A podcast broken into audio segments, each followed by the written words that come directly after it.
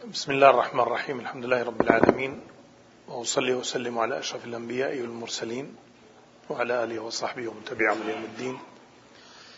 أما بعد فهذا هو يوم الاثنين الثالث عشر من جماد الأولى من عام 1437 وكنا وقفنا عند قول الله سبحانه وتعالى وظللنا عليكم الغمام وأنزلنا عليكم المن والسلوى نبدأ بقراءة كلام الإمام بن جرير الطبري ثم نتبعه بالتعليق إن شاء الله تعالى.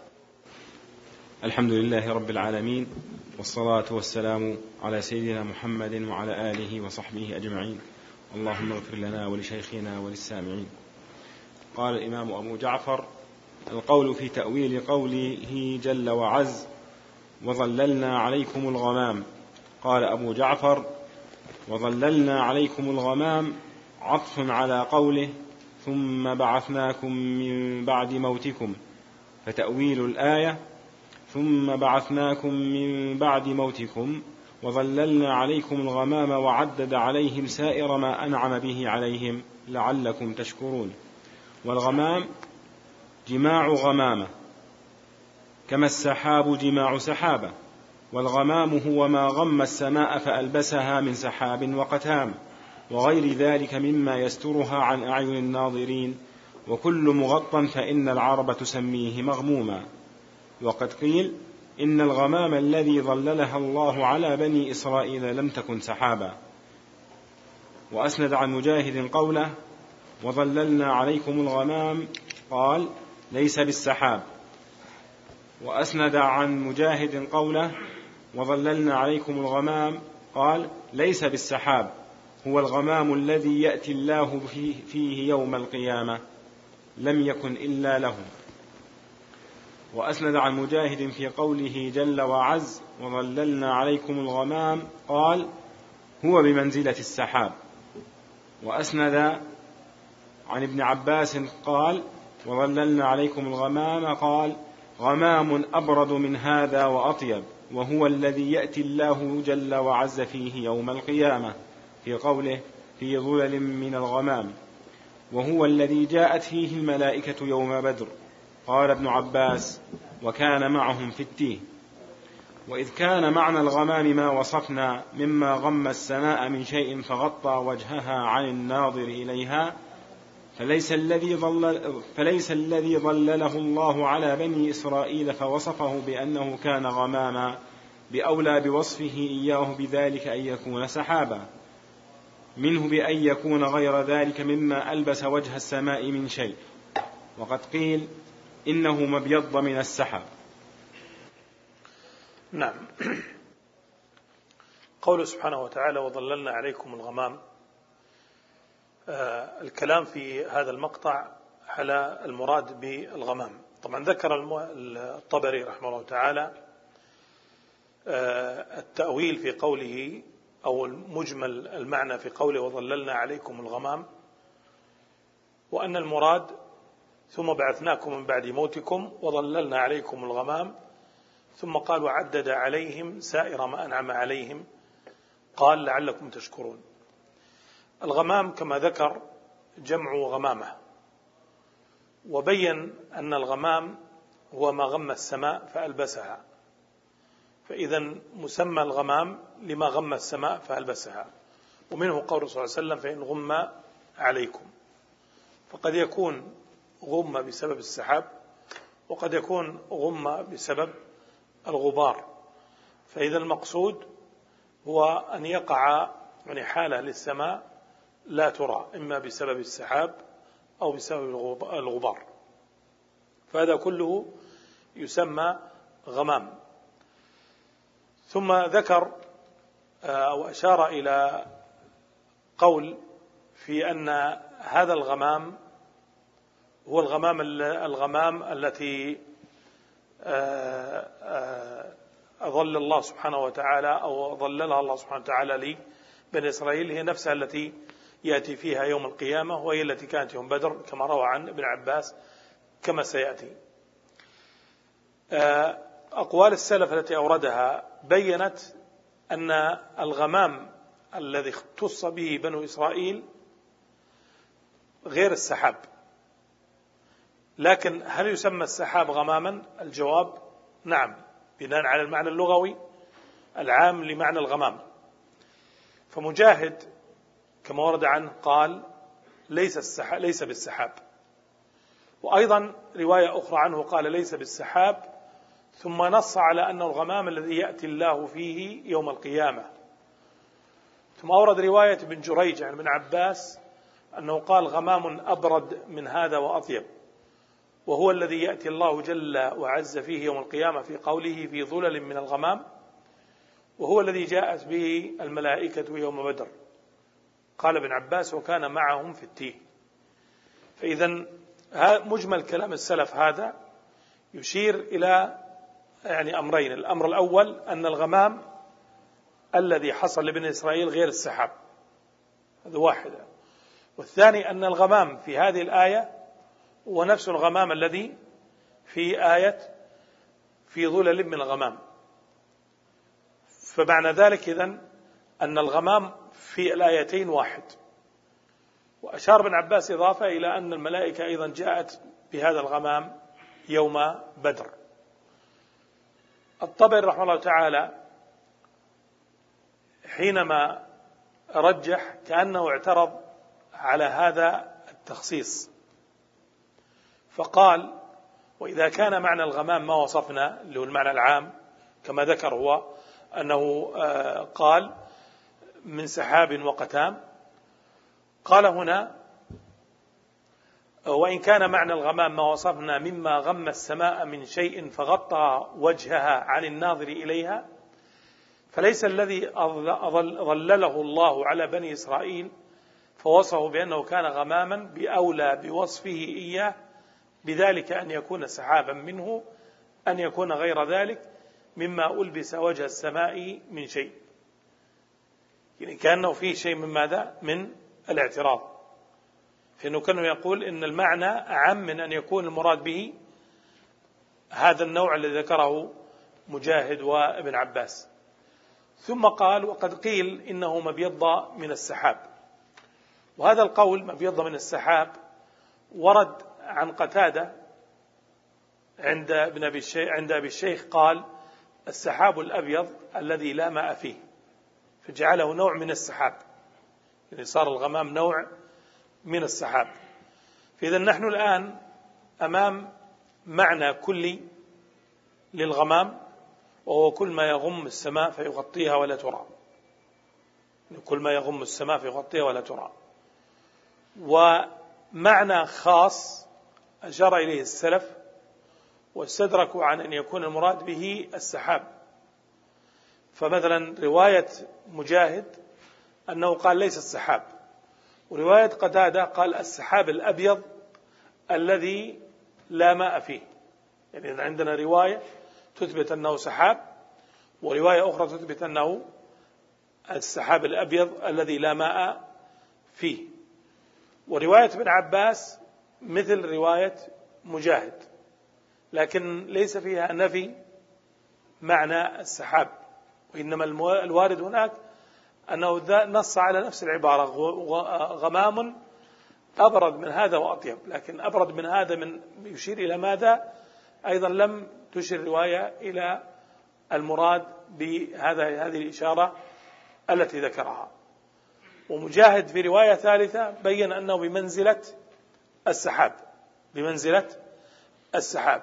فإذا حللنا هذه الأقوال كلها دون النظر إلى استدراك الطبري فإن سنجد أن هذا الغمام هو نوع من سحاب بناء على رواية قتادة وأيضا العبارة العامة التي ذكرها آه، ابن عباس. وهذا النوع من السحاب يمكن أن يكون هذا السحاب الأبيض الرقيق الذي لا ماء فيه كما قال قتادة.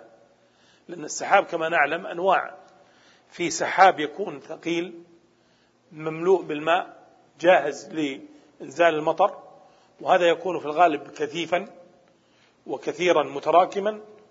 وهناك سحاب خفيف رقيق يكون يغطي فقط الشمس ويخفف شيئا من ماذا من حرها. وكان هذا هو المراد يعني كان هذا هو المراد وهو الأقرب. فلا يكون هناك تعارض بين ما ذكر عن قتادة من جهة واعتراض أو استدراك مجاهد من جهة أخرى. لأن مجاهد قال ليس بالسحاب. فإذا حملنا كلام مجاهد على أن المراد السحاب الممطر الكثيف فنعم.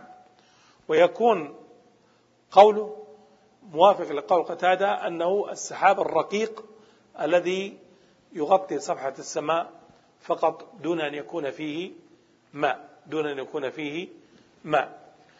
آه وما ذكره أو ما استدرك به على ما ذكر عن آه مجاهد وعن ابن عباس نجد أنه على الأقل هناك ما يدل عليه من كلام قتادة الذي أشار إليه إشارة في قوله وقد قيل إنه مبيض من السحاب لكن هذا الذي بيض من السحاب لا ماء فيه عادة يكون إيش؟ يكون خفيفا. يعني عادة يكون خفيفا لأنه غير محمل بالماء. أما المحمل بالماء من السحاب فعادة يكون كثيفا ومتراكما مثل الجبال. هذا باختصار ما يتعلق بالغمام. طبعا عندنا في الرواية التي وردت عن ابن عباس أمران. الأمر الأول أنها من رواية ابن جريج عن ابن عباس. ونحن نعلم أن رواية ابن جريج عن ابن عباس منقطعة لأن ابن جريج توفي سنة 150 وابن عباس توفي سنة 68 وابن جريج في طبقة أتباع التابعين لم يلقى ابن عباس. ومع ذلك نجد أن الطبري لم يعترض على الرواية من هذه الجهة. لم يعترض على هذه الرواية من هذه الجهة. وهذه نسخة مشهورة عن ابن جريج وقل ما يعترض عليها. لكن لو ورد فيها ما يستنكر يعني فيها شيء فيه نكارة فهنا يمكن أن يحال على الإسناد في التنبيه على أن رواية ابن جريج عن ابن عباس منقطعة. أما والحال هذه فليس فيها إشكال. القضية الثانية وهي ما يتعلق بالنظائر في الآيات فهو جعل الغمام في قوله وظللنا عليكم الغمام نظير الغمام في قوله في ظلل من الغمام يعني في ظلل من الغمام. بمعنى إذا صار الغمام في الآيتين واحدا. هذا يسمى نظائر. هذا يسمى نظائر. لو ورد لفظ الغمام وله أكثر من معنى يسمى ماذا؟ وجوه إذا إذا ورد للغمام في القرآن أكثر من معنى يسمى وجوه وإذا ورد في المعنى الواحد أكثر من آية تسمى هذه الآيات نظائر. تسمى هذه الآيات نظائر. كما هو الحال في هذه الرواية. نعم لا الغمام زي ما ذكر هو السحاب الأبيض الذي ماء فيه. يعني النور ما له علاقة النور ما له علاقة ليس هو الغمام. النور ليس هو الغمام. الغمام شيء والنور شيء آخر. كيف؟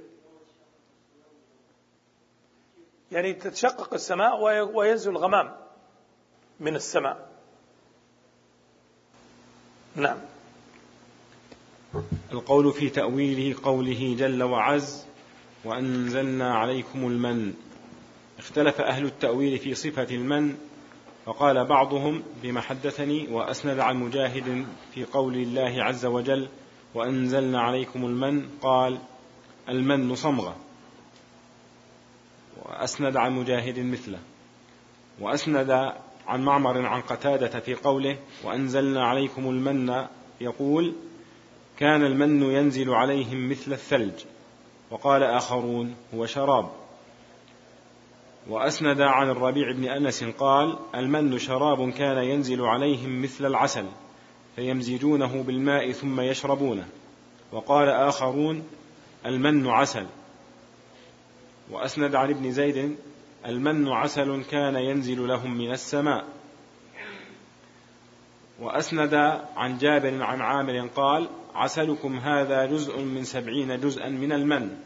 وقال آخرون المن الخبز الرقاق, الخبز الرقاق. وأسند عن عبد الصمد قال سمعت وهبا وسئل ما المن؟ قال خبز الرقاق مثل الذرة أو مثل النقي. أو مثل النقي. وقال آخرون المن الزنجبيل. وأسند عن السدي المن كان يسقط على الشجر الزنج عن كان يسقط على الشجر الزنجبيل. وقال آخرون المن هو الذي يسقط على الشجر الذي يأكله الناس. وأسند عن مجارد عن عامر في قوله وأنزلنا عليكم المن قال المن الذي يقع على الشجر. وأسند عن مجارد عن عامر قال المن هذا الذي يقع على الشجر. وأسند عن الضحاك عن ابن عباس في قوله المن قال المن الذي يسقط من السماء على الشجر فيأكله الناس. وأسند عن ابن جريج قال قال ابن عباس كان المن ينزل على شجرهم فيغدون إليه فيأكلون منه ما شاءوا. وقد قيل إن المن الترنجبين. وقال بعضهم المن الذي يسقط على الثمام والعشر وهو حلو كالعسل وإياه عن الأعشى ميمون بن قيس بقوله لو أطعموا المن والسلوى مكانهم ما أبصر الناس طعما فيهم نجعا. وتظاهرت الأخبار عن رسول الله صلى الله عليه وسلم أنه قال الكمأة من المن وماؤها شفاء للعين. وقال بعضهم المن شراب حلو كانوا يطبخونه فيشربونه. وأما, وأما أمية بن أبي الصلت الثقفي فإنه جعله في شعره عسلا. فقال يصف أمرهم في التيه وما رزقوا فيه. فرأى الله أنهم بمضيع لا بذا, لا بذا مزرع ولا مثمورا. فسناها عليهم غاديات. ومرى مزنهم خلايا وخورا عسلا ناطفا وماء فراتا وحليبا ذا بهجة مرمورا. فجعل المن الذي كان ينزل عليهم عسلا ناطفا والناطف هو القاطر. نعم. آه، كما تلاحظون في لفظة المن يعني وقع آه، خلاف في التعبير عن المن ما هو أو صفة المن كما قال الإمام رحمه الله تعالى. هذه الأقاويل المذكورة في المن هي لو كانت من باب تحديد تحديد نوع أن المراد بالمن نوع معين فلا شك أن هذا سيكون من باب اختلاف التضاد. بمعنى أننا لو قلنا إن المن نوع واحد فإذا لا بد من تعيينه. إذا قلنا إن المن نوع واحد فلا بد من تعيينه وبناء عليه فهذا الخلاف الموجود سيكون من باب اختلاف التضاد. لكن الإمام وهو يسوق هذه الروايات نبه على أو أشار إلى أمر في تفسير المن وهو أن ما ذكر هو من قبيل الأمثلة لما من الله به على بني إسرائيل. ولهذا أورد الرواية التي قال عنها تظاهرت الأخبار عن رسول الله صلى الله عليه وسلم أنه قال الكمأة من المن وماؤها شفاء للعين. وفي رواية الكمأة من المن الذي أنزل على بني إسرائيل. فالتصريح بأنه من المن الذي أنزل على بني إسرائيل إشعار بأن لفظة المن لفظ عام يطلق على مجموع المنن.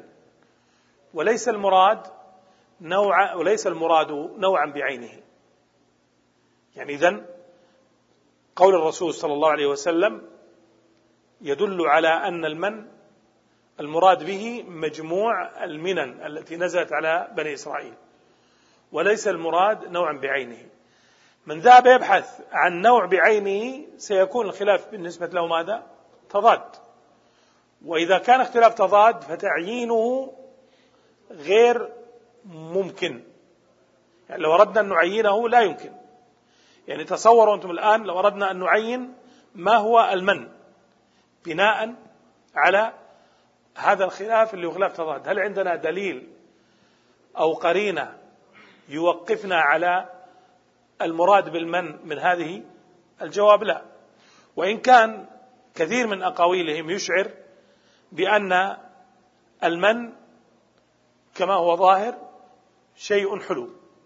يعني لأن أغلب الروايات تشير أو تشعر بهذا المعنى. لكنه من حيث العموم لا يؤثر. أيضا ننتبه إلى أنه أيضا وجد آه، شيء بين الناس يسمى المن. وذلك النوع الذي ينزل على الشجر يكون مثل الثلج. يجمع ويؤكل هو اللي يسموه الصمغة الحلوة. هذه الصمغة الحلوة التي ذكرها يطلق عليها اسم المن. لكن هذا الإطلاق متى كان؟ وهل هو المراد بعينه الذي نزل على بني إسرائيل؟ هذا أيضا لا شك أنه يحتاج إلى دليل مستقل. فلا يوجد دليل مستقل في هذا.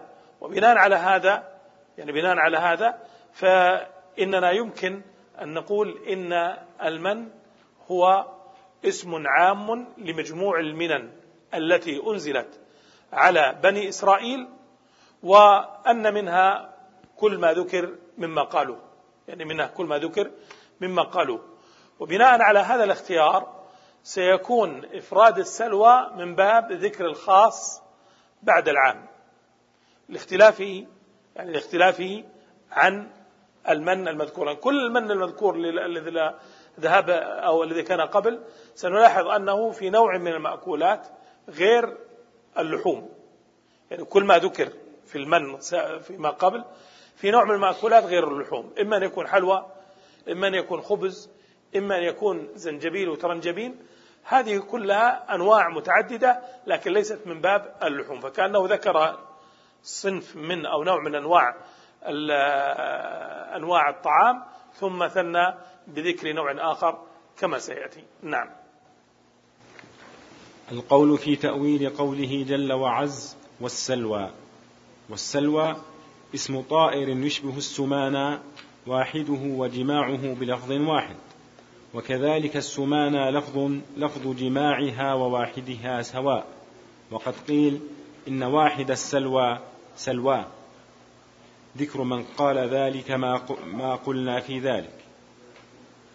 وأسند عن أبي صالح عن ابن عباس وعن مرة الهمداني عن ابن مسعود وعن ناس من أصحاب النبي صلى الله عليه وسلم السلوى طير يشبه السمانة وأسند عن أسباط عن السدي قال كان طيرا أكبر من السمانة وأسند عن قتادة قال السلوى طير كانت تحشرها عليهم الريح الجنوب. وأسند عن ابن أبي نجيح عن مجاهد قال السلوى طائر. وأسند عن ابن أبي نجيح عن مجاهد السلوى طائر وأسند عن الضحاك عن ابن عباس قال السلوى هو السمانة. وأسند عن مجاهد عن عامر قال السلوى السمانة. وأسند عن مجاهد عن عامر قال السلوى السمانة. وأسند عن عن الربيع بن أنس السلوى كان طيرا يأتيهم مثل السمانة. وأسند عن ابن وهب قال قال ابن زيد السلوى طير. وأسند عن إسماعيل بن عبد الكريم قال حدثني عبد الصمد قال سمعت وهبا وسئل ما السلوى؟ فقال طير سمين مثل الحمام. وأسند عن الضحاك قال السمانة هو السلوى. قال أبو جعفر فإن قال قائل وما كان سبب قبل الشيخ قبل الشيخ لم تهلأ من السلوى. طبعا نلاحظ أنهم في تفسيرهم للسلوى قد أجمعوا على معنى فيه وهو أنه طائر. يعني هذا موطن إجماع منهم. وهذه الفكرة كثيرا ما ينبه آه، عليها الطبري وهي مواطن الإجماع في الأقوال. الأقوال الآن من يطلع عليها قد يظن أنها مختلفة. هي نعم فيها صورة اختلاف لكنه ليس من الاختلاف المحقق آه، أو نقول اختلاف التضاد. وإنما هذا يدخل في باب اختلاف التنوع. إذا الآن مجموع الأقوال تتفق أو تشترك في أمر وهو أن السلوى طائر. لكنهم اختلفوا في وصف هذا الطائر وفي اسمه. طبعا السمانة هو اللي يعرف اليوم عندنا بالسمان نفسه. هذا الآن الطائر هو الذي يقول عنه الله سبحانه وتعالى أنزل المن والسلوى. فالسلوى هو طائر السمان هذا. طيب هذا الطائر الآن التعبيرات التي ذكروها عنه ذكروا يعني أو ذكروا مجموعة منها مثل من قال إنها إنه مثلا مثل الحمام. وهذا تقريب. يعني هذا تقريب. قد ما يكون من نزل عليهم هذا رأوه فيشبه لهم. لكن لا شك أنه ما دام نزل عليهم على العرب فهم يعرفون هذا الطائر. يعرفون هذا الطائر. لم يرد عنهم كما تلاحظون إلا هذا القول. ولهذا لو حكي الإجماع على أن السمانة أو على أن السلوى هو طائر السمانة لما كان بعيدا. يعني لما كان بعيدا. وهذه فائدة ننتبه لها في هذا المقام. وهي موطن الإجماع. أنه طائر ثم ننتقل من موطن الإجماع هذا إلى تحديد هذا النوع ونجد أن أغلب الروايات تحدد أنه طائر السمانة.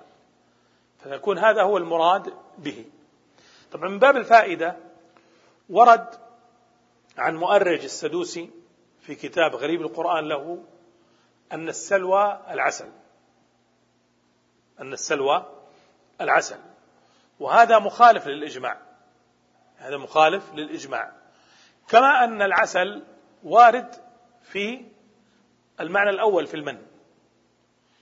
وهذا الذي قاله الذي قاله مؤرج لا يخرم الإجماع. يعني لا يخرم الإجماع لأمرين. الأمر الأول أن مؤرجا وإن كان من أهل اللغة إلا أنه لم يكن من أهل التفسير أصالة. يعني معنى أنه ليس كل لغوي مفسرا وإنما هو مشارك في التفسير. فمنطلق تفسير مؤرج منطلق لغوي بحت. لم ينظر فيه إلى أقاويل الصحابة والتابعين وكذلك من عاصره من أتباع التابعين لأنه توفي سنة 150 الأمر الثاني أن الذين قالوا بالسلوى أنه طائر هم يعرفون أيضا إطلاق السلوى على العسل يعني ليس بعيدا عنهم معنى العسل في من إطلاقات السلوى. فتركهم لهذا الإطلاق مع احتماله دليل على عدم إرادته. دليل على عدم إرادته. طبعا هو ذكر شاهد من شعر العرب في قول الشاعر وقاسمتها بالله جهدا لأنتم ألذ من السلوى إذا ما نشورها فقوله ما نشورها هي من شار يشور يعني شار العسل يشوره إذا أخرجه من ماذا؟ من مكانه. طيب ولا زالت مستخدمة هذه اللفظة إلى اليوم عند أهل النحل يعني عند العسالين.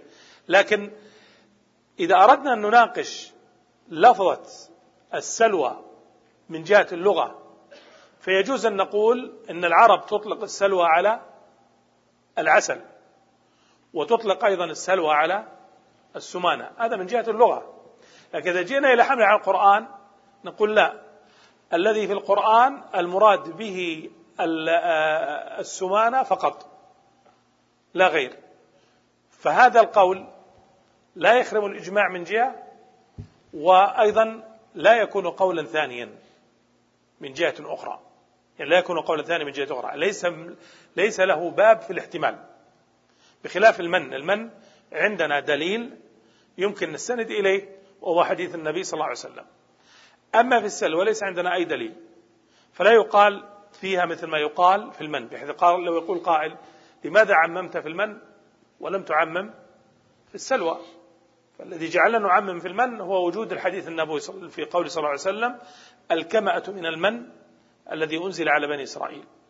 فهذا قطع الأمر ووضحه. وأما في السلوى فلم يقع أي خلاف بين المفسرين من مفسر الصحابة والتابعين واتباعهم قاطبة على أن المراد بالسلوى هو طير. فإذا خرج عن أن يكون نوعا آخر. فإذا هذا اتفاق أو إجماع على أنه طير. كونهم اختلفوا في صفته هذا لا يخرجه عن كونه طيرا. لا يؤثر على أن أو أو لا يجعل القول بالعسل مقبولا في هذا المقام. طبعا مثل هذه المقامات مقام تحرير المراد يعني مهمة جدا. وسبق أن نبهتكم إلى مسألة وهي أننا حينما نناقش هذا الأمر نحن نبحث هل نحن نبحث عن مراد الله أو نبحث عن الممكن والمحتمل على النص لا نحن نبحث عن مراد الله أما لو كنا نبحث عن الممكن ومحتمل في النص يعني جعلنا القرآن عرضة لماذا؟ عرضة للآراء بإطلاق لماذا؟ لأننا إذا فتحنا باب الممكن والمحتمل دون قيد أو ضابط فإذا سيقول من يقول في القرآن وليس لك عليه يد. وهذه قضية مهم أن ننتبه لها وكبيرة جدا وخطيرة وأنا اجتزأتها اجتزاء وكل عملنا أصلا قائم على هذا. لكن أحب أن ننتبه إلى الفرق بين أن نقول ما هو مراد الله نبحث عنه وبين نقول ما الممكن والمحتمل الوارد على هذا النص. مع الأسف حتى بعض علماء الإسلام خصوصا ممن تأثر بعلم الكلام كان موضوع الممكن والمحتمل هو الغالب عندهم في مناقشة نصوص الكتاب والسنة. دون البحث عن المراد. ولا شك أن هذا مع أن بعض علماء الإسلام قال به أو كان منهجا له فإنه لا يدل على صحته. لا يدل على صحته. والسبب الذي جعل أمثال هؤلاء يقعون فيه لا شك أنه المذهب إيش؟ الكلامي المذهب الكلامي. ولهذا إذا رجعنا على سبيل المثال أذكر مثالا واحدا ذكرته سابقا كتاب تأويلات أهل السنة للماتريدي رحمه الله تعالى. الماتريدي توفي سنة 333 يعني قريب من عصر الطبري متوفى 310 لو وازنا بين الاثنين في مسألة الاحتمالات سنجد أن الطبري يضيق الاحتمال ويجتهد في ربط المحتملات على حسب ما ورد عن الصحابة والتابعين واتباعهم. أما المواردي فإنه يفتح باب الماتريدي معذرة يفتح باب الاحتمال. يفتح باب الاحتمال. وهذا أصلا مبني على مفهوم التأويل عنده لأنه فرق بين التفسير والتأويل. فجعل التفسير يعني ما يقطع به أنه مراد الله. والتأويل جعله ما يحتمل ما تحتمل الآية أكثر من من قول أو أكثر من معنى. فمعنى ذلك أنه سيفتح النص للاحتمالات. فقد يذكر احتمال احتمالين ثلاثة أربعة. لكن إذا فتحناه بدون قيد أو ضابط إذا فتحناه بدون قيد أو ضابط فمعنى ذلك أنه ليس هناك معيار يمكن أن نقف عنده في موضوع التأويل. يعني ليس عندنا يعني ضابط نقف عنده في موضوع التأويل. فنفتح النص للجميع. هذه الفكرة هذه الفكرة تنبه لها بعض علماء الإسلام ممن أيضا تأثروا بعلم الكلام. وتنبهوا أيضا إلى أن فتح باب التأويل فتح باب التأويل قد يدخل الفلاسفة والقرامطة والباطنية في تأويلات القرآن ولا يكون عندنا قدرة على رد أقاويلهم. ولا يكون عندنا قدرة على رد أقاويلهم. وهذا ابن عطية رحمه الله تعالى ذكر مثالا في ذلك في سورة الأعراف عند آه، تفسيره للميزان. طبعا نعرف الميزان ورد في الآثار أنه ميزان محسوس أنه آه، ذو كفتين. الفلاسفة وغيرهم يذهبون بهذا على سبيل التمثيل وأنه ليس ميزانا حقيقيا. طبعا الآثار واردة أنه ميزان مادي محسوس. فهؤلاء هؤلاء يذهبون بأمور المعاد ومنها الميزان يذهبون بها إلى معاني رمزية مجازية. المشكلة ليست هنا. المشكلة أن ابن عطية لما أراد أن يثبت الميزان ما يجد في العقل ما يثبت الميزان. يعني العقل ليس فيه دليل على ثبوت الميزان. وإنما الميزان ثابت بإيش؟ بالسمع فقط. فاستشكل ابن عطية رحمه الله تعالى هذا الموضوع أنه كيف نثبت الميزان مع أنه إنما ثبت بالسمع ولم يثبت بالعقل. فقال إننا نلتزم بالسمع لأننا لو فتحنا باب التأويل في هذا لغمرتنا الملاحدة بأقوالهم أو عبارة قريبة من هذا المعنى. إذا هو واضح جدا أن عنده استشكال في ماذا؟ في موضوع التأويل هذا. وهذا الاستشكال طبعا قديم يعني قل قل. أحد دخل في علم الكلام وكانت أساساته عقلية يعني يعتمد على العقل أكثر مما يعتمد على النقل ويعترض على المنقول ويستدرك عليه فإنه يقع في هذا الباب اللي هو باب إيش؟ فتح باب التأويل. وهذا إذا أردتم أن تعرفوه أيضا أكثر طبعا موضوع طويل جدا لكن نموذج اقرأوا كتاب قانون التأويل لابن العربي. قانون التأويل لابن العربي. حققه الدكتور محمد السليماني. أشار أو أصلا أقام هذا الكتاب كله للرد على شيخه الغزالي لما سأله عن التأويل. طبعا كان من مقاصد الرحلة عند ابن العربي الأندلسي للمشرق هو أن يلتقي بالعلماء هناك ويسألهم عن هذا الموضوع الكبير الذي يعني كان يعني بالنسبة له أمر كبير وخطير وكذلك صحيح. لكنه لم يلتقي بأحد يفك عنه هذه المشكلة. التقى بالغزالي وكتب له الغزالي رسالة صغيرة اسمها قانون التأويل وطبعت هذه الرسالة. واعترض عليها ابن العربي في كتابه قانون التأويل وبين أن الغزالي لم يشفي غليله في هذه المسألة. يعني لم يشفي غليله في هذه المسألة. وهذه الرسالة الصغيرة لقانون التأويل هي أيضا كانت سبب في اعتراض آه، ابن رشد الحفيد على أيضا الغزالي في موضوع التأويل في موضوع التأويل ما الذي يجب وما الذي يمتنع وما الذي يجوز. لأن الغزالي رحمه الله ذكر أن أنواع التأويل ثلاثة يعني تأويل ممتنع وتأويل واجب وتأويل جائز. وذكر مثال يعني التأويل الممتنع تأويل مثلا آيات المعاد. جعل المعاد من الممتنع يعني يمتنع تأويله. والواجب تأويل المرتبط بذات الله وصفاته. والجائز بعد ذلك من يعني أمور الشريعة. فابن رشد الحفيد هو يناقشه ويقول أن يعني مفهوم كلام ابن رشد الحفيد أنه ليس عندك معيار للتقسيم الثلاثي هذا. بل ذهب ابن رشد الحفيد إلى أن ما قاله الفلاسفة. في في تأويل الممتنع عندك أنهم أقوى منك فيه. لأنه ما عندك دليل يدل على أنك تمنع التأويل في المعاد. ما عندك دليل عقلي. يعني ما في برهان. لو تكلم هو عن البرهان عن الدليل العقلي القائم الذي يدل على عدم أو على امتناع التأويل في في في, آيات المعاد. وهذا يدلك على خطورة الحديث عن التأويل بدون الرجوع إلى ماذا؟ إلى أصول الأصول التي كان عليها الصحابة والتابعون واتباعهم من قضية التسليم. لأن قضية التسليم هذه غير موجودة عند أصحاب إيش؟ البحث العقلي. يعني غير موجودة عند أصحاب البحث العقلي. فإذا نحن عندنا مسألة مهمة جدا وهي مسألة التسليم. هذه مسألة لا تكاد تجدها. فهي مشكلة بلا ريب. عند بعض هؤلاء الذين دخلوا في هذه المجالات. طبعا بعض العلماء قد تمر هذه الأمور عنده ولا يعيرها اهتماما ما تكون في, في, في دائرة البحث عنده. لكن قد يكون لو نقب عنها ونظر وتأمل يقع عنده فيها مشكلات مثل ما وقع عند الغزالي مثل ما وقع عند العربي مثل ما وقع عند ماتريدي مثل ما وقع عند رشد وغيرهم آه، من هؤلاء الأعلام. فإذا الذي قصدته فقط هو يعني وإن كان استطرادا التنبيه على أنه لا يلزم أن كل قول يقال في الآية حتى ولو كان في فترة هؤلاء أن يكون قولا صوابا بل لابد أن نعالجه ونحرره من جهة من جهة تفسيرية وننظر فيه نظرا دقيقا آه، بحيث لا نقول إنه خرق الإجماع بل نقول هذا لم يخرق الإجماع وأن هذا القول قول يعني مردود ليس بصحيح. نعم. تفضل نقل الإجماع هل يعني يجوز لنا أن نقول هو من الاجماع مع عدم تنصيص الإمام عليه أو كاستقراء في في المرويات؟ نعم.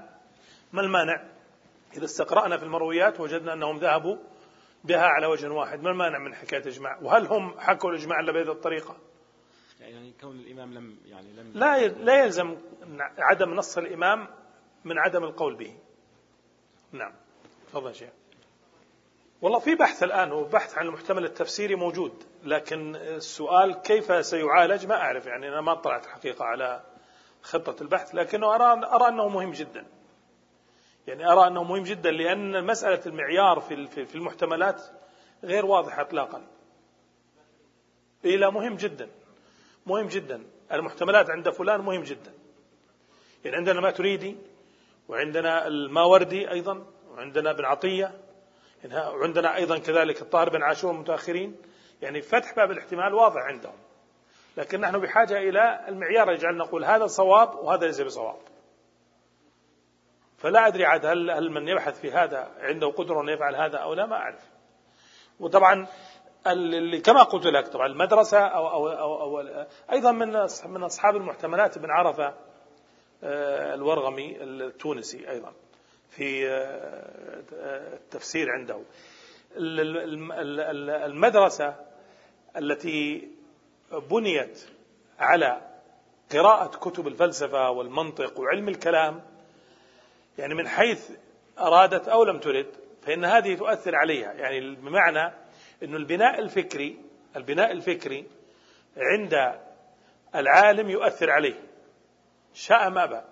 ولهذا ابن عطية رحمه الله تعالى على جلالة قدره وسعة علمه ويعني يظهر من من من من يعني من من, من عباراته ومن تاريخه أنه إنسان كان واسع الصدر وكان باحثا يعني ما هو ما هو إنسان متعصب لرأي معين بالعكس يعني واضح من ما يقرأ من كتاباته أنه رحمه الله تعالى كان رجل صاحب اعتدال عام يعني اعتدال في جميع حياته حتى في القضايا العلمية. لكن لا يعني هذا أنه لن يميل إلى ما تلقاه أو إلى المذهب الذي يذهب يذهب إليه. لكن أثر عليه أثر على أو أثرت عليه هذه التربية التي تربى يعني قرأ كتب الجويني وتتلمذ عليها. فبناء على هذا لا يمكن أن يكون إيش؟ يعني سلفيا محضا يقينا. ولهذا يسمي الجويني وأمثاله مثل أبو بكر الباقلان وغيره يسميهم بإيش؟ بالحذاق أو المحققين. يعني حينما يأتي عند هؤلاء يسميهم الحذاق أو المحققين. وأنت إذا قرأت كتاب الشامل للجويني أو الإرشاد للجويني وهو الآن في الاعتقاد تستغرب أن هذا الكتاب يعني كأنه كتب يعني لغير مسلمين بسبب قلة الاعتماد على الكتاب والسنة. وأصل أصل يعني أو الأصل الأصيل عندنا هو الاعتماد على الكتاب والسنة. ولو جمعت الأحاديث والآيات التي استدل بها الجويني في كتاب الشامل وكتاب الإرشاد تجدها قليلة في النهاية. لا تمثل شيئا جانب القضايا العقلية الكبيرة التي ذكرها. ولا شك أن هذه مشكلة كبيرة ليست عند الجويني فقط بل عند أهل الكلام على صفة عامة. يعني مثل كتاب المواقف للأيجي أو كتب الرازي أو غيرها تجدها أغلبها مليئة بالمسائل العقلية البحتة ويقل فيها الاستدلال بالكتاب والسنة. وطبعا أما السنة فالاستدلال بها أقل وأقل. وإن استدلوا بها أحيانا يستدلون بها الاعتراض أو لبيانه على آه، ما يرونه من آه، الاعتقاد. نعم. قال أبو جعفر فإن قال قائل وما كان سبب تضليل الله الغمام وإنزاله المن والسلوى على هؤلاء القوم؟ قيل قد اختلف أهل العلم في ذلك ونحن ذاكرون ما حضرنا منه.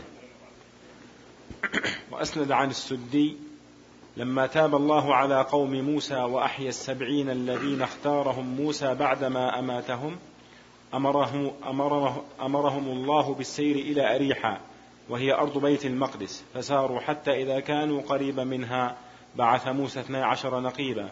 فكان من أمرهم وأمر الجبارين وأمر قوم موسى ما قد قص الله في كتابه.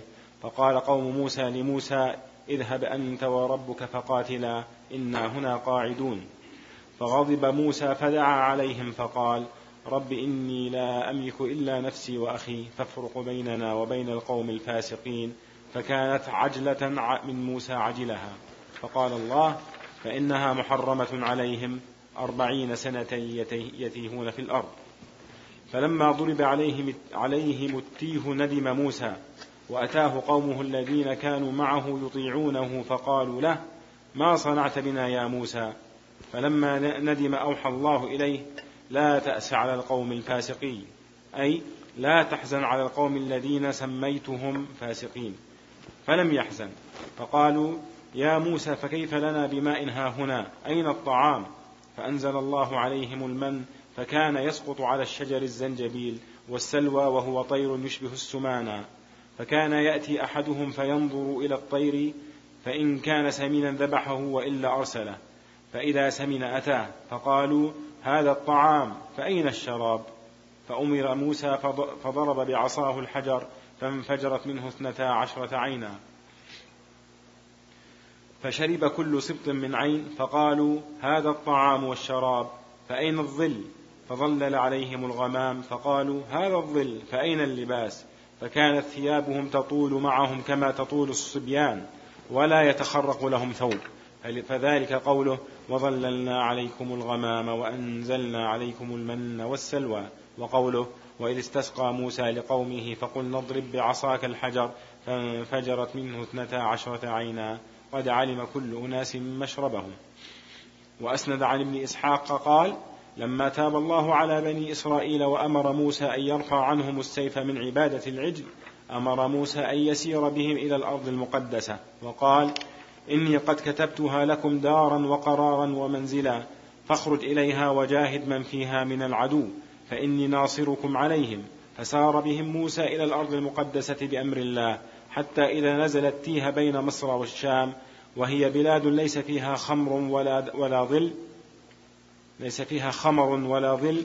دعا موسى ربه حين آذاهم الحر فظلل عليهم بالغمام ودعا لهم بالرزق فأنزل عليهم المن والسلوى.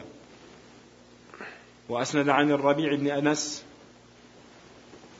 في في إسنادين قوله وظللنا عليكم الغمام.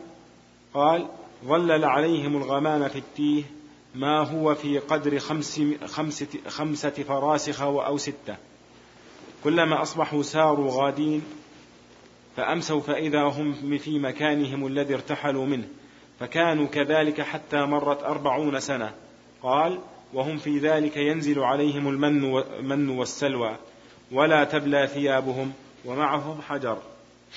ومعهم حجر من حجارة الطور يحملونه معهم فإذا نزلوا ضربه موسى بعصاه فانفجرت منه اثنتا عشرة عينا. وأسند عن إسماعيل بن عبد الكريم قال حدثني عبد الصمد قال سمعت وهبا يقول إن بني إسرائيل لما حرم الله عليهم أن يدخلوا الأرض المقدسة أربعين سنة يتيهون في الأرض شكوا إلى موسى فقالوا ما نأكل؟ فقال إن الله سيأتيكم بما تأكلون. قالوا من أين لنا من أين لنا أن يمطر علينا خبزا؟ قال إن الله عز وجل سينزل عليكم خبزا مخبوزا فكان ينزل عليهم المن. سئل بهب وهب ما المن قال خبز الرقاق مثل الذرة أو مثل النقي أو مثل النقي.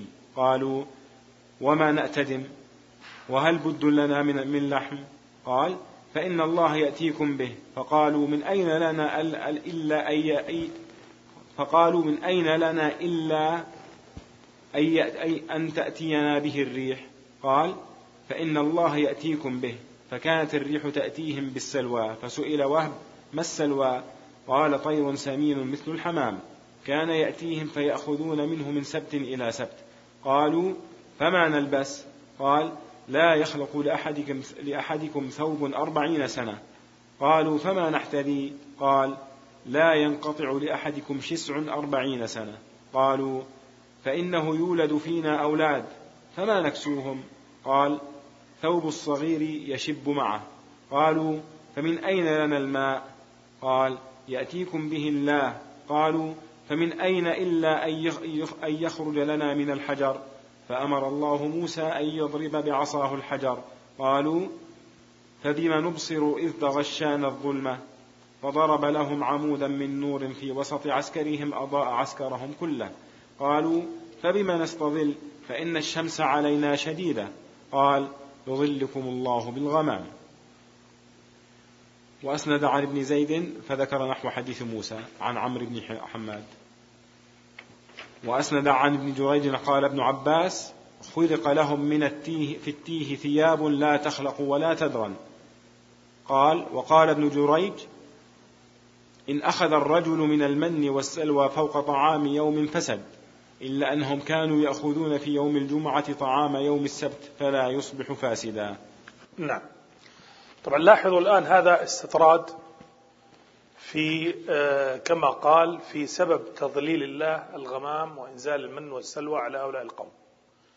واضح أنه مرتبط بماذا؟ بمرحلة التين. وسبق التنبيه إلى مسألة فيما يتعلق بتاريخ بني إسرائيل أنه حينما تنظر إلى تاريخ بني إسرائيل مع موسى عليه الصلاة والسلام في مناطق بالنسبة لتاريخهم غامضة. طبعا نحن يكفينا فيها العبرة. وإن كانت ظواهر النصوص تدل على معاني وما يعرف من تاريخهم لا يدل عليها. مثلا كذلك ورثناها بني إسرائيل. والحديث عن ماذا؟ عن الجنات والعيون التي كانت لفرعون ولقومه. هل معنى ذلك أن بني إسرائيل رجعوا مرة أخرى إلى مصر وعاشوا فيها ما قدر الله ثم أمروا بالرحلة إلى بيت المقدس؟ هذا احتمال. يعني هذا احتمال. لأن ظاهر الآية يدل على أنهم أورثوها. لكن لأنه لم يعرف في تاريخهم أنهم رجعوا لمصر آه، يعني ذكر المفسرون بعض التأويلات في هذا. ومنها أنهم قبل أن يسافروا أمروا زوجاتهم وبناتهم وخواتهم أن يستعيروا حليا من قوم فرعون وأن هي المرادة بقوله أورثنا بني إسرائيل. وإن كان هذا تأول ليس بدقيق لكن ظاهر القرآن يدل على غير هذا. أيضا كذلك في هذا الأمر في في في, في التيه وتاريخ موسى عليه الصلاة والسلام مع قومه بعد أن نجاه الله من فرعون وتسلسل الأحداث التي حصلت. الآن هنا يذكر في رواية أنه بعد أن اختار موسى السبعين وبعد أن أماتهم أمرهم الله بالسير إلى الأريحة أرض بيت المقدس وذكر ما ذكر من هذا من أنهم عصوا فضرب عليهم التيه. يعني ضرب التيه عليهم بسبب عدم دخولهم الأرض المقدسة هذا واضح من خلال نصوص القرآن. فإذا مرحلة التيه هي كانت بعد خروجهم بعد خروجهم من مصر وقبل الأمر وبعد آه، أمرهم بأن يدخلوا بيت المقدس. فلما لم ينفذوا الأمر ضربت ضرب عليهم التيه أربعين سنة. ضرب عليهم التيه أربعين سنة. كذلك أيضا من القضايا الغامضة في تاريخهم قارون.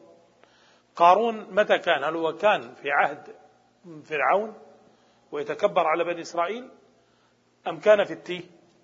الأقرب طبعا أنه كان في عهد فرعون وأنه كان مقربا من فرعون وإن كان بني إسرائيل كما هي العادة جارية في أن يكون بعض يعني بعض يعني بعض هؤلاء يكون من أهل النفاق أو غير ذلك فيكون مشمولا برعاية فرعون.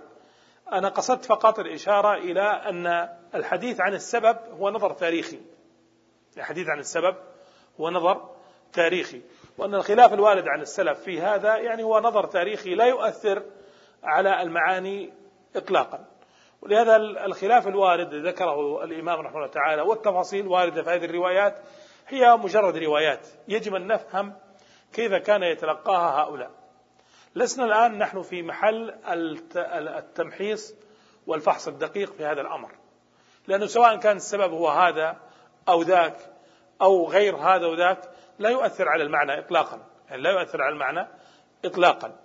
لكن أيضا من الأشياء يجب أن نعلمها وهي أننا حينما نناقش هذه القضايا قبل ما نناقشها يجب أن نعلم من هؤلاء الذين رووها من هم وما منزلتهم من العلم.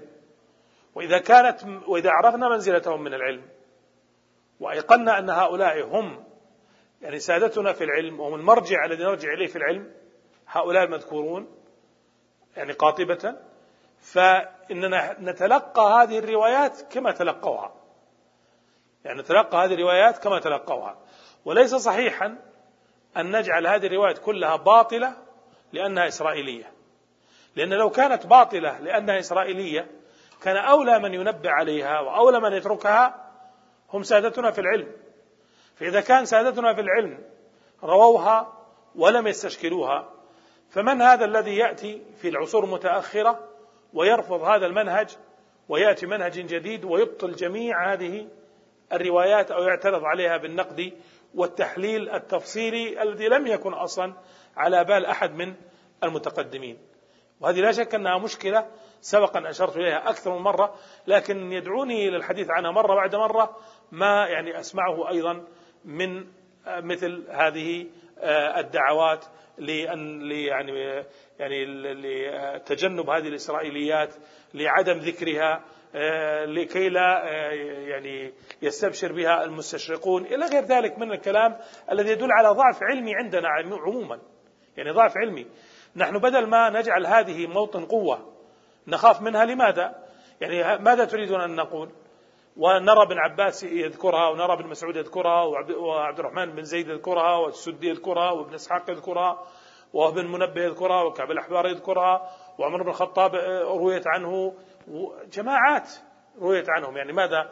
نغطي هذا الأمر يعني كما تغطى الشمس بغربال. يعني ننفيها وهي مئات من الروايات. ما هي والله رواية وروايتين؟ مئات من الروايات. بل قل لي أين توجد آية لها ارتباط ببني إسرائيل ولا يرد أثر عن الصحابة أو التابعين وأتباع التابعين فيها وهي مما يسند إلى بني إسرائيل. هات لي آية لا يوجد فيها. أنا أقول لك ما في آية ورد فيها خبر عن بني إسرائيل إلا وتجد روايات إسرائيلية مروية عن واحد من الصحابة أو التابعين أو أتباع التابعين، يعني هذا منهج سائد وغالب. فهل يعقل يعني هل يعقل أن يكون هؤلاء قد ضلوا الطريق كلهم؟ يعني ضلوا عن بكرة أبيهم؟ يعني هل يعقل؟ لا يمكن فإذا كان فإذا كان هؤلاء يروونها بهذه الطريقة وهذا إمام المفسرين يعني نقول له إمام المفسرين اعتباطا هذا إمام المفسرين الآن عقلية كبيرة عقلية ناقدة يعترض على بعض الروايات ويناقش ما وجدنا توقف مثل هذه الأمور ولا اعتبر فيها أي إشكال فإذا يجب علينا وجوبا يعني وجوبا وليست مسألة ندب أو كذا بل يجب علينا وجوبا أن نتفهم المنهج. ولا يمكن أن يغفل عن هذا المنهج الذي يسلكه بعض المعاصرين يغفل عنه علماء الأمة جيلا بعد جيل ولا يظهر إلا لأفراد فقط. وحينما يظهر نجد أن الردود كلها أو أغلبها ردود ليست علمية يعني ليست قائمة على علم متين وعلم مكين. نجد أن فيها إشكالات حتى في الردود. مع أن هؤلاء لما أثبتوها ما كانوا يستشكلون ما يستشكلون المتأخرون يعني سؤال كبير أنا يحيرني. لماذا سكت هؤلاء الذين في طبقة الصحابة والتابعين وأتباع التابعين ثم من جاء بعدهم من المحررين والكبار ورووا هذه الروايات وتناقلوها جيلا بعد جيل. ولا نجد الذين يتكلمون عنها إلا أناس معدودون. فإذا إذا أردنا أن نعد من اعترض على الإسرائيليات واحد اثنين ثلاثة أربعة خمسة ستة. من ذكر الإسرائيليات؟ هم جمهور أهل أهل العلم. لماذا جمهور أهل العلم في صف وأفراد في صف؟ إذا أردنا أن نناقش قضية علميا طبعا نتكلم عن هذا هذا لا شك أنه أسلوب خطابي أنا أقدمه لكنه يدل على أمر مهم جدا في هذا الباب خصوصا أن أننا أمام. ما الذي يجب لله سبحانه وتعالى ما الذي يجب للأنبياء اللي هو باب العصمة؟ هذان الأمران الكبيران. نجد أن الأعلم بهما بلا نزاع هم الصحابة والتابعون وأتباع التابعين. هؤلاء الذين هم أعلم بهذا الأمر ما كانوا يستشكلون أن يرووا هذه الروايات مع ما في بعضها من إشكالات. فإذا هناك منهج نحن غفلنا عنه نحتاج إلى أن نتبصره بدل من أن نقول لا يجوز رواية الإسرائيليات ولا بد من نقد الإسرائيليات إلى آخره. حتى إذا حار أحدهم في رواية صحيحة عن ابن عباس وهذا قد وقع من بعضهم قال لعلها مما دس على ابن عباس. وأنا لا أدري يعني هذا الذي قال الكلام رحمه الله. هل هو يعي ما يقول؟ لأن هذا فيه اتهام لعلماء الأمة أنهم لم يعرفوا أن هذه الرواية مدسوسة. يعني مشت على ابن جرير الطبري ومشت على فلان وفلان وفلان وفلان وفلان إلى أن جاء هو وانتبه واكتشف. وحتى اكتشافه ليس يقينيا. نقول لعل بمعنى أن هذا إبطال للرواية الثابتة الصحيحة لأنها لم تعجبه هو فقط. ويرى هو يعني بنظره هو أنها آه، فيها آه، حط من كرامة النبي أو من عصمة النبي إلى آخره. كان أولى أن يعرف هذا ابن عباس لما قال هذا القول. إذا كان ابن عباس ما يعرف هذا الأمر هذه مشكلة. وهم, وهم يستدركون في أقل من هذا. يعني يستدركون في أقل من هذا فكيف بمثل هذه الأمور؟ نعم. القول في تأويل قوله جل ثناؤه كلوا من طيبات ما رزقناكم. قال أبو جعفر وهذا مما استغني بدلالة ظاهره عن ذكر ما ترك منه. وذلك أن تأويل الآية وظللنا عليكم الغمام وأنزلنا عليكم المن والسلوى وقلنا لكم كلوا من طيبات ما رزقناكم فترك ذكر قوله وقلنا لكم لما بينا من دلالة الظاهر في الخطاب عليه. وعنا جل ذكره بقوله كلوا من طيبات كلوا من شهيات رزقنا الذي رزقناكموه. وقد قيل عنا بقوله من طيبات ما رزقناكم من حلاله الذي أبحنا لكم فجعلناه لكم رزقا. والأول من القولين الأولى بالتأويل لأنه وصف ما كان القوم فيه من هنيء العيش الذي أعطاهم ووصف ذلك بالطيب الذي هو بمعنى اللذة أحرى من وصفه بأنه حلال مباح. وما التي مع رزقناكم بمعنى الذي كأنه قال كلوا من طيبات كلوا من طيبات الرزق الذي رزقناكم. أكمل. القول في تأويل قوله جل وعز وما ظلمونا ولكن كانوا أنفسهم يظلمون. وهذا أيضا من الذي استغني بدلالة ظاهره على ما ترك منه وذلك أن معنى الكلام كلوا من طيبات ما رزقناكم فخالفوا ما أمرناهم به. وعصوا ربهم ثم رسولنا, ثم رسولنا إليهم وما ظلمونا فاكتفي بما أظهر عما ترك. وقوله وما ظلمونا يقول وما ظلمونا بفعلهم ذلك ومعصيتهم ولكن كانوا أنفسهم يظلمون. ويعني بقوله ويعني بقوله وما ظلمونا وما وضعوا فعلهم ذلك وعصيانهم إيانا موضع مضرة علينا ومنقصة لنا ولكنهم وضعوه من أنفسهم موضع مضرة عليهم عليها ومنقصة لها. كما حدثت وأسند عن الضحاك عن ابن عباس وما ظلمونا ولكن كانوا أنفسهم يظلمون قال يضرون. وقد دللنا فيما مضى على أن أصل الظلم وضع الشيء في غير موضعه بما فيه الكفاية فأغنى ذلك عن إعادته. وكذلك ربنا جل ثناؤه لا تضره معصية عاص ولا يتحيف خزائنه ظلم ظالم ولا تنفعه طاعة مطيع ولا يزيد في ملكه عدل عادل بل نفسه يظلم الظالم بل نفسه يظلم الظالم. وحظها يبخس العاصي وإياها ينفع الطائع. وحظها يصيب العادل. نعم. آه، في قول كلوا من طيبات آه، ما رزقناكم. طبعا ذكر مسألة الاستغناء بدلالة الظاهر على ما حذف أو ما ترك وهذا كثيرا يرد عنده خصوصا في مثل هذا المقام اللي هو مقام حذف القول. يعني مقام حذف القول. ويبدو أن هذا صالح للبحث اللي هو اللي هو حذف القول. لأنه يكثر عند الطبري الإشارة إليه. لأنه كان كان المعنى وقلنا لهم كلوا من طيبات ما رزقناكم. طبعا لم يورد في آه، معنى كلوا من طيبات ما رزقناكم لم يورد آثارا. مما يشعر بأنه ليس عنده في ذلك آثار. ولا يبعد أن تكون الأقاويل التي ذكرها أن تكون من أقاويل أهل المعاني. يعني كتب المعاني لكن تحتاج إلى يعني مراجعة من قال بهذه الأقوال. ولا شك أن القول الذي ذكره هو الأولى لأن المقام ليس مقام يعني آه، تحليل وتحريم. يعني ليس مقام تحليل وتحريم وإنما المقام مقام بيان آه، يعني آه، لذة ما أنزله الله عليهم وأنه وصفه بأنه طيب. يعني كلوا من طيبات ما رزقناكم كما قال اللي هو المعنى الأول شهيات رزقنا الذي رزقناكم. فجعل الطيب بمعنى الشيء الشهي. وهو كما قال رحمه الله تعالى في ترجيحه لذلك. آه، في قوله وما ظلمونا ولكن كانوا أنفسهم يظلمون. طبعا سبق أن أيضا أشار إلى معنى الظلم كما هو قال يعني مما يكفي عن إعادته هنا. لكن السؤال الآن تفسير ابن عباس من طريق الضحاك قال ظلمونا قال يضرون. يعني وما ظلمونا ولكن كانوا أنفسهم يظلمون يعني يضرون أنفسهم. يعني فسر الظلم بماذا؟ بالمضرة. لكن المضرة الآن هل هي عين الظلم أو أثر الظلم؟ هي أثر الظلم. فإذا هذا يدخل في باب تفسير ال ال ال يعني تفسير الشيء بلازمه. تفسير الشيء بلازمه. ولم يفسر معنى الظلم. وإنما فسر لازم المعنى.